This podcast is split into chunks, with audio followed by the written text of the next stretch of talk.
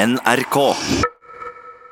Det er mange måter å sette farger på tilværelsen på. Per Ivar Somby fra Alta har funnet en nisje i Sápmi når han fargelegger gamle svart-hvitt-bilder så naturtro som mulig. Han har gitt ut bok, laget flere utstillinger og har mange følgere på sosiale medier som får glede av arbeidet hans. Gjennom hobbyen sin har han også blitt bedre kjent med sin samiske slekt. Intervjuet du nå skal få høre, gjorde vi fra hvert vårt hjemmekontor. Per Ivar Somby, velkommen til Tett på. Ja, tusen takk. Du jobber på biblioteket i Tromsø, men det er eh, hobbyen din som jeg er eh, ekstra nysgjerrig på. Og konseptet høres jo i utgangspunktet enkelt ut. Du tar gamle fotografier som er i svart-hvitt, og så fargelegger du de. Nettopp. Det er det jeg gjør. Det høres enkelt ut, men det er veldig mye som ligger under der, vil jeg tro. Ja da, selvsagt. Og når jeg begynte med det her, så, så kasta jeg meg ut i det uten å vite noe som helst. Det var bare, handla bare om engasjement hele veien. Ja, hvordan starta du? Jeg hadde jo lenge sett på det her bildet av min forfar som jeg kjente ganske godt. Det er et bilde som har fulgt meg siden ungdomstida. Og, og jeg gjenoppdaga den vel litt ut inn på 2000-tallet, når jeg begynte å og lete litt på nett etter det gamle bildet. Altså, der er jo han, min oldefar, på nettet også. Og så oppdaga jeg på nettet at det er mulig å fargelegge gamle bilder. Jeg så noen fine eksempler, blant annet av Abraham Lincoln, som var i farger, og han så jo nesten ut som han var fotografert i går. Og da ble jeg så imponert at jeg sa det må jeg gjøre med min oldefar. Det var det første jeg tenkte. så jeg begynte å kløne meg litt til med å få lagt litt farger på og sånt. Og så, så balla det seg på over tid, da. Og, og selv om jeg var sånn passelig fornøyd først, så syntes jeg kanskje ikke det var så bra først, så jeg lot det ligge litt. Og så gikk det faktisk noen år før jeg begynte å ta det litt mer seriøst. Og, og fra 2014 så begynte jeg å, å jobbe litt mer sånn målretta, at nå skal jeg fargelegge liksom alle mine forfedre, og kanskje noen til. Ja. ja. Så hvor lang tid brukte du før du fant en teknikk som du var fornøyd med? da? Å, jeg tror nok jeg holdt på en to-tre år før jeg begynte å si at det er brukbart. Men så Det, det er så en prosess. Jeg er enda der at jeg faktisk syns ikke alltid det er bra nok, så jeg regner med at jeg aldri kommer til å bli helt fornøyd.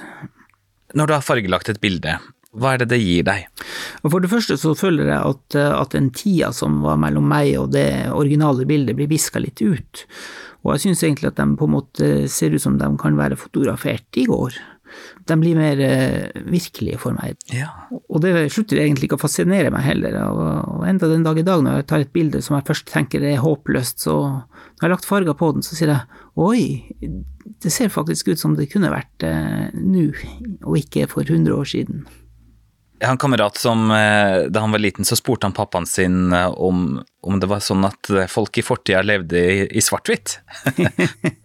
ja, ja, ikke sant. Jeg har jo sjøl spøkt veldig mye med at uh, i gamle dager var verden i svart-hvitt, men det er jo ikke den virkelige verden som vi lever i. Nei. Og det er på en måte også mitt argument når folk blir litt kritiske og sier ja, men det, man ødelegger jo originalbildet. Jeg tenker heller at det motsatte. Fakta er jo at man fotograferte med svart-hvitt den gangen fordi man ikke hadde et alternativ. Og det har nok vært et, alltid et ønske blant fotografer at man skal kunne uh, fotografere i farger. Når vi ser på et bilde, så, så, er det jo farger først og fremst. Jeg tenker at det er det vi ønsker å se. Selv om svart-hvitt selvsagt sine spennende sider. Ja, ikke sant. På hvilken måte har du kommet nærmere dine egne slektninger? Ja, ja, altså det, det, første bildet som jeg fargela, det var jo det ene bildet som på en måte har fulgt meg helt siden jeg var ungdom som jeg kjenner veldig godt, et bilde av min oldefar, Aslak Somby. Han ble jo kalt Boja. Han ble jo fotografert i 1884 av han eh, franske antropologen som heter eh, prins Roland Bonaparte. Eh, han var jo oppe i Finnmark og fotograferte og målte, holdt jeg på å si, samer opp og ned. Det var jo sånn typisk den tids forskning at man på en måte, som i dag anses som litt suspekt, men den gangen var det innafor. Og han fotograferte omtrent alle som han møtte på sin vei da, i, Finnmark. Troms og Finnmark. Og det her er jo mange, noe som um, som jeg har sett også på, på veggene og hjemme hos slektninger av meg. Ikke sant? Allerede på 80-tallet så, så jeg jo at de hadde tatt bilde som opprinnelig var et sånn antropologisk forskningsbilde, og brukte det som et familiebilde istedenfor. Hengte det opp på veggen. Man kan si at bildet har jo endra en fra å bli et forskningsbilde til å bli et familiebilde. Men det skjønte jeg jo ikke den gangen da jeg så bildet, jeg trodde det var et vanlig studioportrett. Og det er først i ettertid jeg skjønte at dette er bilder som er tatt uh, med en helt annen hensikt. Uh, men uansett, når jeg da gjenoppdaga på 2000-tallet, så hadde jeg vel så smått skjønt at det her var jo sånn typisk forskningsbilde, og jeg spøkte nå litt sjøl med det, de bildene og, og de her forskningene, og lagde sånne parodier på det, akkurat det bildet der, og plasserte min egen bror faktisk også i samme posisjon og tok bilde av han på samme måte som, Ah, ja. som han ble fotografert, nemlig forfra og fra sida, nesten som et sånt forbryterbilde. Det var jo sånn man tok med antropologiske bilder, man plasserte dem, og tok et profilbilde og en frontbilde. Ja, men det er altså frontbildet jeg var mest fascinert over da, og jeg, og jeg visste at det her bildet må jeg få fargelagt, for jeg har alltid ønska og lurt på hvordan han egentlig så ut. Eh, Og så fant jeg også da eh, bilder med ganske bra kvalitet, så jeg bare kasta meg rundt og, og, og fikk sett på han, og, og mitt første inntrykk etter første fargeleggen var at oi, var det sånn han så ut? Da ble jeg faktisk litt sånn der eh, slått. Så jeg syns sjøl det var litt sånn utrolig at han kunne stå frem i, nærmest i livet på den måten. Yes. Så ble jeg jo litt mer kritisk etter hvert, da, og så syntes jeg at han, eh, han var ikke bra nok, så jeg, så jeg jobba med han eh, i flere omganger. og Sakte, men sikkert over årene her, så jeg- synes jeg at han har utvikla seg til å bli mer og mer eh, eh, som et naturlig fargefoto, da. Men det er klart, jeg blir nok aldri helt ferdig med han her karen. Enda i dag så, så sier jeg at han kan jo stadig forbedres og gjøres enda mer levende. Er det han som var en av de som USA leide inn for å lære bort eh, reindrift i Alaska på slutten av 1800-tallet? Ja, nettopp. Det var det det var. Det var jo to, eh, to runder hvor eh, samer i Alaska. Og først sendte de en mindre gruppe med fire familier eh, og en ungkar eh, i 1894. Og det her var et prosjekt for å, måte, å berge eh, urbefolkningen i Alaska, som da sleit med sult og sånt. Og man, så mente da, en pastor som mente at det her må man gjøre noe med. Så han fikk rett og slett leid inn samer fra Finnmark som kan lære dem opp da i reindrift. Etter tre år så dro de jo tilbake til Finnmark, da, men eh, det gikk noen år, og de fikk en ny forespørsel om de ville være med på et prosjekt i Newfoundland, på østkysten av eh, Canada. Og da dro de også dit, og da var jo han allerede blitt 65 år eller noe sånt, og jeg tenkte i alle dager, det var sprek gamling som, som har hevet seg rundt og drar, til Canada på lykke og fromme. ja. Så det er jo sant, sånne her spennende historier som er morsomt å finne frem, og når man også har bildet, på en måte, så, så blir han i hvert fall virkelig for meg. Ja, ja, ja. Er det andre slektninger som du har um, kommet nærmere, eller? Ja da, jeg vil si at eh, storparten av dem som ble fotografert eh, på denne tida, eh, som er mine forfedre, syns jeg absolutt at jeg er blitt bedre kjent med, bare ved å se på dem i farger, ikke sant, og så hente opp litt informasjon om dem også, hvem de var og hva de gjorde. Så jeg har eh, fargelagt et fint knippe med forfedre, det har jeg. Jeg så jo eksempel at eh, da min oldefar dro til, til um, Newfoundland, så hadde han jo med seg sin sønn, altså min eh, bestefar. Der var de også med en annen familie da, fra Masi. Og når de kom tilbake fra, fra Newfoundland, så gifta faktisk min bestefar seg da med, med dattera i den andre familien som også var med til, til eh, Newfoundland. Så jeg tenker mm, ja vel, det har vært kanskje litt sånn Yes. romantikk på gang der i Newfoundland. Kanskje. Jeg vet ikke. Den turen til, ehm, til Newfoundland, det er, det er en direkte årsak til at du Kanskje. går rundt på, på jorden i dag, kanskje? Ja, jeg kan i hvert fall eh, tenke litt over det, at det kanskje er noe i det. Og- så var det jo litt morsomt også det her med at jeg oppdaga at, eh, at hans far, altså min oldefar, han som jeg han som har forfulgt meg hele tida, da. Jeg oppdaga jo nylig også når han døde, for egentlig fantes det ingen informasjon noen plasser om når han døde. Og så ved et eh, tilfeldighet så klarte jeg endelig å finne det her eh, kirkeboka hvor det var notert hans død, og da så jeg både hvor, når han døde, og hvor han døde. Oh. Og at han altså døde i Alta i 1920, i bygda Rafsbotn, rett utenfor Alta. Og det er jo nærmest bare noen få steinkast fra der hvor jeg vokste opp, så det ble liksom Og det oppdaga jeg nå i, i fjor, faktisk. Det var jo en stor eh, sånn wow-faktor for meg, da. Og, og, så sto det at han hadde dødd av nyresykdom, og 1920 og da hadde jeg jo nettopp lest at i 1919-1920 så var det mange som døde. Og det var ofte nyresvikt, ofte som følge av komplikasjoner etter at man hadde hatt spanskesyken. Så kanskje han bukka under for en pandemi. han Bonaparte han som tok bilde av eh, oldefaren din, var han i slekt med Napoleon, eller? Ja, han var vel en grandnevø av Napoleon. Det var han. Yes. Ja da, og han valgte da den veien at han ble antropolog for, istedenfor å ta en militær karriere, som ville vært naturlig. Og det satte man pris på, for man var litt, frykta vel litt for at eh, hvis han tok militær karriere, så kunne han kanskje bli en ny Napoleon, eh, kanskje en diktator, eller Så det, sånn som jeg har lest mellom linjene, så, så, var de fornøyd med i Frankrike at han holdt på å sysle med andre og mer ufarlige ting. Ja. Og plutselig så endte han opp i Finnmark og tok bilde ja, av oldefaren ja, din. en ting som jeg lurer på, du, du nevnte det bildet som ble tatt av han um, før han dro til Alaska. Tatt av en antropolog. Ja. Hva sier det om måten samer har blitt fotografert på, sånn sett? Ja, så For det første har det nok vært veldig spennende for den som ville forske, da, f.eks. å bedrive antropologisk forskning. Det var jo veldig på moten på 1800-tallet. Jeg holdt på å si i kjølvannet av eh, Darwins eh, teorier, ikke sant. Så, så, tror jeg nok også det her gjorde mange forskere interessert i å finne ut om det her med utvikling, og mm. hvem som er eh, kommet så og så langt opp på en eller annen Eh, utviklingsstige, kanskje, jeg vet ikke. Men det var veldig innafor, og det her var veldig sånn eh, vanlig, vanlig, forskning over hele verden å gjøre på denne måten, da. Mm. Og mange av de bildene som ble tatt på den tida, var nettopp bilder som var tatt av forskere, så det var veldig grundige og tydelige, gode bilder. Eh, men jeg ser at det var veldig mange typer bilder som ble tatt på den tida. Det var jo folk som reiste rundt og tok bilder nærmest bare for å lage postkort, og, for det her var jo liksom på en måte også litt sånn um, dyrking av de stereotype oppfatningene av andre mennesker. Og så er det noen som bare tok bilder rett og slett fordi de var nysgjerrige, og um, om det var sånn turistfølelse eller andre ting. Så det var litt uh, ulike grunner for at mm. samer ble avfotografert jeg har jo vært veldig fokusert rundt, eh, rundt det samiske, som selvsagt er mest interessant for meg, da, siden det handler litt om, eh, om slekt og sånt. da.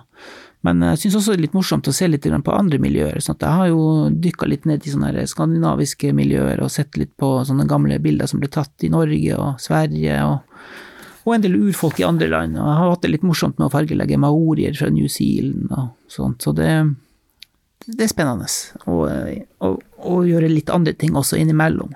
Er det noe likheter eller, eller forskjeller sånn sett da, med bildene du har funnet fra New Zealand?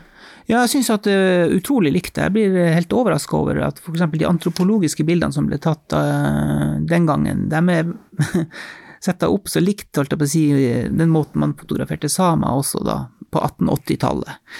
Som er da er de store årene for typisk sånn antropologisk fotografering. De er nesten helt identiske. De er plassert på akkurat samme måte, sidelengs forfra, i et sånt litt sånn sidelys. og det Jeg har sett på mange av de bildene av de her eh, maoriene i New Zealand og sagt jøss, de kunne jo vært samer like godt, det er bare det at de er litt mørkere i huden. og det er på andre siden av kloden? Ja, ja, ikke sant. Og så ser jeg jo mange andre folkeslag også, både i Russland og USA og rundt omkring at eh, de tok jo bilder over hele verden på denne måten. Og jeg syns at likhetene med måten man tok bilder av samer altså på den tida, er så likt at, eh, at man nærmest kan eh, bli litt forvirra blant å si det her kunne jo vært like godt et sånn antropologisk bilde som er tatt i Finnmark. Hm. Når du jobber med, med å fargelegge bildene som ja, som du tar for deg, da. Altså, prøver du å utfordre det som eventuelt måtte være av eh, stereotypier, eller altså, hvordan går du til verks der? Eh, når jeg først og fremst begynner å fargelegge, så tenker jeg å få frem eh, personen, karakteren, og kanskje på en måte viske ut det her litt grå flaten som, som jeg kaller sånn Jeg syns det blir sånn stereotypisk, da. Det blir sånn Det er tidstypisk. Vi sier straks 1800-tallet når vi ser et sånt bilde, og vi vi får liksom ikke nær kontakt med den personen. Og når jeg legger på farger, så syns jeg da at de eh, fremtrer liksom som personer. Jeg syns på en måte at jeg mm. klarer å kanskje få frem karakteren, eller ane personligheten, selv om det selvsagt er helt umulig. Så det handler litt om å, om å eh, forestille seg også når man ser et bilde, da. Det skal gi en opplevelse, tenker jeg, først og fremst. Mm. Det skal være en, um, en tenkt fremstilling av hvordan de kan ha sett ut. Jeg tror ikke at jeg klarer å gjengi det helt nøyaktig. Det er jo veldig sånne her eh, Det her med farger på klær og sånt, eh, og i hvert fall når det gjelder samiske klær, så er det mye tradisjoner knytta til farger som jeg må tenke på når jeg fargelegger, da. Ja. Men, eh, men, jeg sier jo at jeg prøver ikke å dokumentere hvordan farger de hadde den gangen. Det tror jeg er nesten umulig. Altså, vi må, vi må gjette. Mm. Så det, det gjør jeg. Jeg prøver å gjette så godt jeg kan, og komme så nært en mulig sannhet som mulig. Har du gjort eget arbeid for å få vite så nøyaktig som mulig hvordan folk gikk kledd? Ja da, etter hvert som jeg begynte å farge, så skjønte jeg at jeg, skal det her på en måte ha noe hold, så må man ha noe kunnskap i bunnen da. Og, og det lille jeg hadde av kunnskap, brukte jeg først, da, men det var jo klart ikke bra nok. Så jeg har jo eh, lest mye i bøker, bladd mye og sett på hvordan eh, klærne var før. Og på nettet er det veldig mange nettmuseumer som legger ut bilder som er avfotografert av gamle klær, som også gir en pekepinn om hvordan farger det kan ha vært. Og så har jeg vært i kommunikasjon med mange som eh, har egentlig mye av den kunnskapen i dag om hvordan klærne så ut gjennom historien, da. Mm. Sånn at jeg støtter meg på mange kilder og, og prøver på en måte å, å, følge dem, da. Og jeg sitter ikke med svarene, jeg har ikke kunnskap nok. Og jeg er litt sånn avhengig av at gode folk med, med mye kunnskap hjelper meg, rett og slett. Så, så, når jeg legger ut et bilde, så håper jeg at noen ser feilene mine og sier ifra. Så kan jeg rette dem opp i neste omgang. Ja. Skjer det ofte, da? Ja, det skjer relativt ofte, det er klart. Det, det, det er ikke så lett. Man tror at det er det riktige farge og sånt der. Altså, jeg bruker ofte også i den prosessen når jeg fargelegger at jeg, jeg lar bildet modne litt. Jeg lar den stå en stund, og så, så skjønner jeg etter hvert at her er det noen feil. ja. og så kan jeg få rette. Og så kanskje jeg i mellomtida har kommunisert med noen som, som, har noen gode tanker om det her. Eller at jeg finner noe på nettet, for den saks skyld. Det hender jo blant at jeg finner klær som er nesten identisk med den jeg jobber med, og da aner jeg at jeg har truffet en blink, da. Ja, ja, ja. Vet du når det første bildet av en same ble tatt, da? Ja, det skal vi se. De første jeg har sett, er vel kanskje faktisk dem som ble dømt etter Kautokeino-opprøret i 1852 så ble jo flere av dem fotografert da på fengselet i Akershus, eh, og jeg tror de tidligste bildene er datert til rundt 1860 eller 1862. Det er litt sånn usikkert på nøyaktig hvilket år, da, men jeg kan tenke meg at det er rundt den tida der mm. at de ble fotografert, da. Flere av dem. Mm. Det, og det er litt sånn uklare bilder. Jeg har jo prøvd å fargelegge dem, men det er klart de bildene er også teknisk litt, litt mer uh, uklare, da. Det er veldig gamle bilder og, som er litt ødelagt, og, mm. så det er vanskelig å få dem til å se naturlig ut. Ja. Men det er jo spennende å jobbe med sånne gamle bilder også, for å se om det skjer noe med dem som får farger på seg. Blir de mer levende, eller ja. Har du fått deg noen overraskelser av eh, når du ser hvordan det ble når det ble fargelagt? Altså, da tenker jeg utover det du allerede har vært innom med at at de våkner til liv, da? Ja da. Eh, plutselig kan jeg se når jeg har fargelagt en person at oi, han ligner på en jeg kjenner, ikke sant. Han har akkurat det samme uttrykket i øynene, og, eh, eller hun for den saks skyld. Eller en gang fargela en person som ikke helt eh, mente noe om, men når jeg var ferdig med han, så syns jeg at han ligna på meg, meg sjøl. Nei, sier du det? ja, ja. og da ble jeg litt sånn der sjokka i alle dager. Det kunne jo vært meg. men Var dere i slekt, da? Nei, det vet jeg ikke. Han var, han var uidentifisert, men det var noen samer fra Finnmark i hvert fall. Så vi alle skodd over samme lest, så vi ser nå ganske like ut, mange av oss. ja. ja. Du kommer fra Alta. Nettopp. Ja. Og så er slekta di stort sett fra Kautokeino, er det riktig? Ja, det stemmer det. Begge mine foreldre har sine røtter i Kautokeino. Hvordan var det for deg å vokse opp utenfor kjernesamisk område, da? Da tenker jeg på språk og på din samiske identitet, da? Ja da. Jeg har jo kjent min identitet hele tida, og mine foreldre snakka jo samisk til hverandre og norsk til oss unger, sånn som de gjerne gjorde på den tida under den her fornorskningstida. Mm. Så jeg var jo godt kjent egentlig med holdt jeg på å si, min egen bakgrunn. Noe har jeg sikkert mista på turen, ikke sant, men noe er også vunnet. Så jeg, jeg har ikke grått så mye over at jeg har mista egentlig noe. Jeg tenker heller at sånn, sånn har det blitt. Det var skjebnen som gjorde at det ble sånn. og, så det, og, så prøver jeg å gjøre det beste ut av det. Og nå i voksen alder så syns jeg det kanskje da er ekstra morsomt å gå litt bakover og grave litt i røttene mine, ikke sant, og finne ut enda mer. Og det arbeidet du har gjort her, da, har det, har det ført deg nærmere på en måte sånn identitetsmessig, på noe vis? Ja, på en måte. Man, jeg ser at vi er veldig mange som egentlig har den samme historien, ikke sant, og jeg blir jo kjent med veldig mange som da forteller meg, som følger meg da når jeg fargelegger det her, at vi, har, vi er veldig mange som har den samme historien, at vi på en måte har tapt et eller annet på veien eh, i fornorskningspolitikken, samtidig som vi på en måte prøver å gjenvinne litt av av holdt jeg på å si, rota vår, da. Ja. Så, så vi, er, vi er mange der.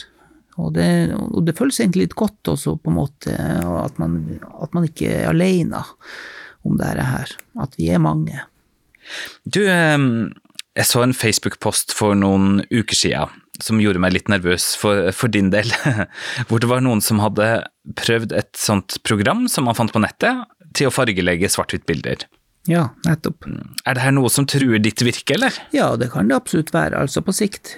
Per i dag så syns ikke jeg at, eh, at de programmene som fargelegger gjør noe særlig god jobb, og det er stygge feil på mange av dem også, så jeg tror det ligger litt øh, langt frem det her at man skal få et godt program.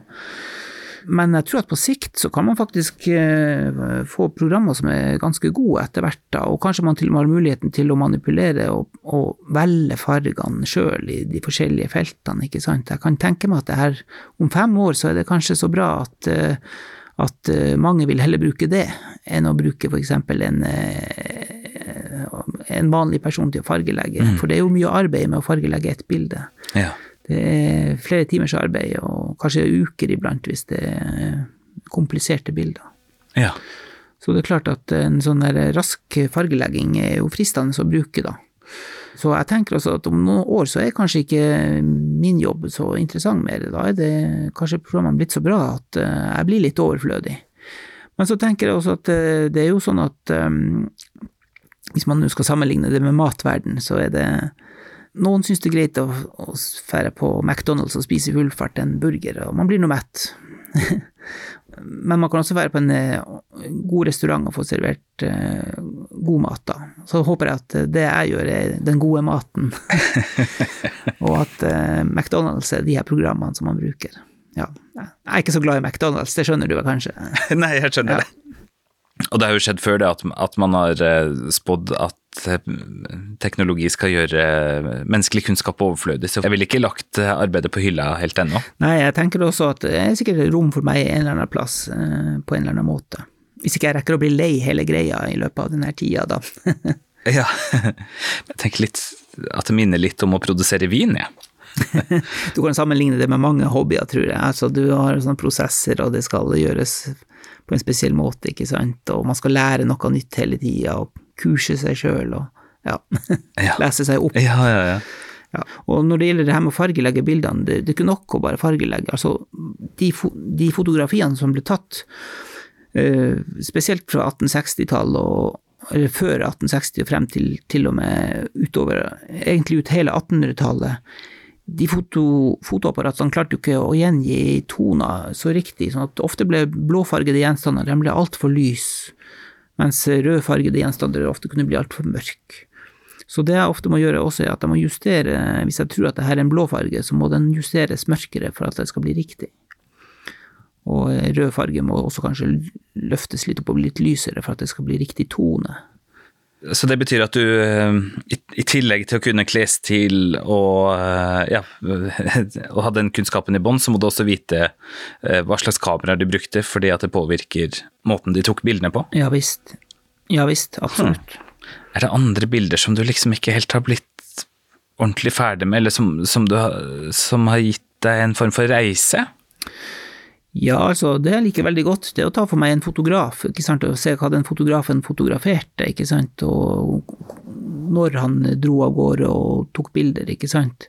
Det syns jeg er veldig spennende, da, å forfølge, holdt jeg på å si. Sånn at når jeg vet for eksempel mange av de kjente norske fotografene, sånn som Anders eh, Behr Wilse, han reiste jo rundt omkring i hele Norge og tok tusenvis av bilder. Mm. Og eh, han var jo titt og ofte også oppe i Nord-Norge, f.eks., og det er jo veldig artig å følge hans eh, reiser og se hvor han var og hva han tok bilde av, og, eller for den saks skyld eh, andre som hadde et oppdrag eller noe sånt. Mm. Så jeg er veldig fascinert over fotografene og hva de gjorde. Det blir mer og mer interessant for meg også å se på dem Ja. og deres liv og deres holdninger og deres måte å fotografere på. Det er jo fotografen som har komponert bildet og lyssatt, og, så det er jo jeg er litt avhengig av at fotografen har vært flink, hvis resultatet jeg skal få, blir bra. Hvilke anstrengelser måtte en fotograf gjennom for å komme i en posisjon for å ta bilde av f.eks. noen i, i Kautokeino, da? Ja, ja, altså før da man brukte såkalte våtplater, eh, og det var jo frem til 1880-tallet da, så, så eh, måtte de jo faktisk produsere bildet umiddelbart eh, innen 15 minutter etter at bildet var tatt, for ellers ville den forvitre og forsvinne. Så man måtte ha mørkerommet med seg ut i felt når man skulle fremkalle bildene. umiddelbart. Så kom tørrplatene da i begynnelsen av 1880-tallet, og da kunne man vente til seinere og ta dem på et mørkerom eh, hvor som helst. Og det forenkla jo oppgaven for fotografene eh, mye mer da. Og så var det det her med at eh, det var lang lukkertid. Det var ikke så lett å få så mye lys inn, så man var avhengig av at den som ble fotografert måtte sitte stille og ikke være i bevegelse, ellers ville de bli uklar. Og da fikk de nok også streng beskjed hos fotografen om at du får se i kamera, og, og det var ikke god kutyme å smile, for det er veldig vanskelig å holde et naturlig smil lenge. Det, blir, eh, det vil se rart ut, tror jeg. Så det er derfor vi ser at alle er så alvorlige på de gamle bildene fra 1800-tallet. Oi! Er det på grunn av det? Ja da, det var jo rett og slett for at de, måtte, de fikk beskjed om å stå i ro. og det er sjelden vi ser noen smil. Det hender at vi ser noen smil, og noen som ler, faktisk. Som eh, det fins, men det er uvanlig. Ja. Og først på 1920-tallet begynner man å se veldig mye foto, fotografi av folk hvor de smiler. Da. da ble det mer vanlig å smile. Det er nå litt av en hobby du har, da. Ja, absolutt. Det er kjempespennende. Så, eh, og så syns jeg det er så stas at det er så mange som også syns det her er, er spennende, ikke sant. Og jeg har mange følgere på, i sosiale medier som følger meg og kommenterer og kommer med masse opplysninger om ting som ikke jeg Så jeg lærer så mye. Jeg jeg får, får så mye igjen, ikke sant, den veien der. Det er fantastisk. Jeg setter så pris på, eh, på den kommunikasjonen jeg har med folk. Hva er det som gjør at vi er såpass interessert i våre forfedre og å få nyansert bilde av dem på den måten som du bidrar med, da? Jeg er ikke helt sikker på hva svaret på det egentlig er. Det er vel kanskje en, et, et ønske om å vite mer om eh, seg sjøl, og det har jo vært en sånn, hva man skal kalle det, en slags oppvåkning i de mange av miljøene med folk som har samisk bakgrunn, eller som oppdager at de har samisk bakgrunn. Så at eh, i dag er det jo blitt veldig um, hva man skal si, inn og, eh, gjøre noe med det. For eksempel er det jo veldig mange som eh, finner sin samiske bakgrunn, ønsker å sy seg i kofte og markere at de er samiske, ikke sant. Og det er veldig sånn eh, positivt hele veien, ikke sant. Etter mange år med fornorskningspolitikk og skamfølelse og sånt, så har liksom på en måte alt snudd seg andre veien. Og nå er folk veldig stolte, og eh, det er jo veldig flott. En flott tid, egentlig, sånn sett, for eh, mange av oss. Altså å se at, eh, at eh, det er positivt Ja. med samisk, ikke sant? At det ikke er så mye negativt, sånn som det har vært i historien, opp gjennom historien. Per Ivar Zombie, tusen takk for at du var med i Tett på. Ja, og takk for at jeg fikk eh, prate litt om det som jeg syns er aller, aller morsomst. Jeg heter Svein Lian. Tett på fra NRK Sápmi er produsert av 1 til 1 Media.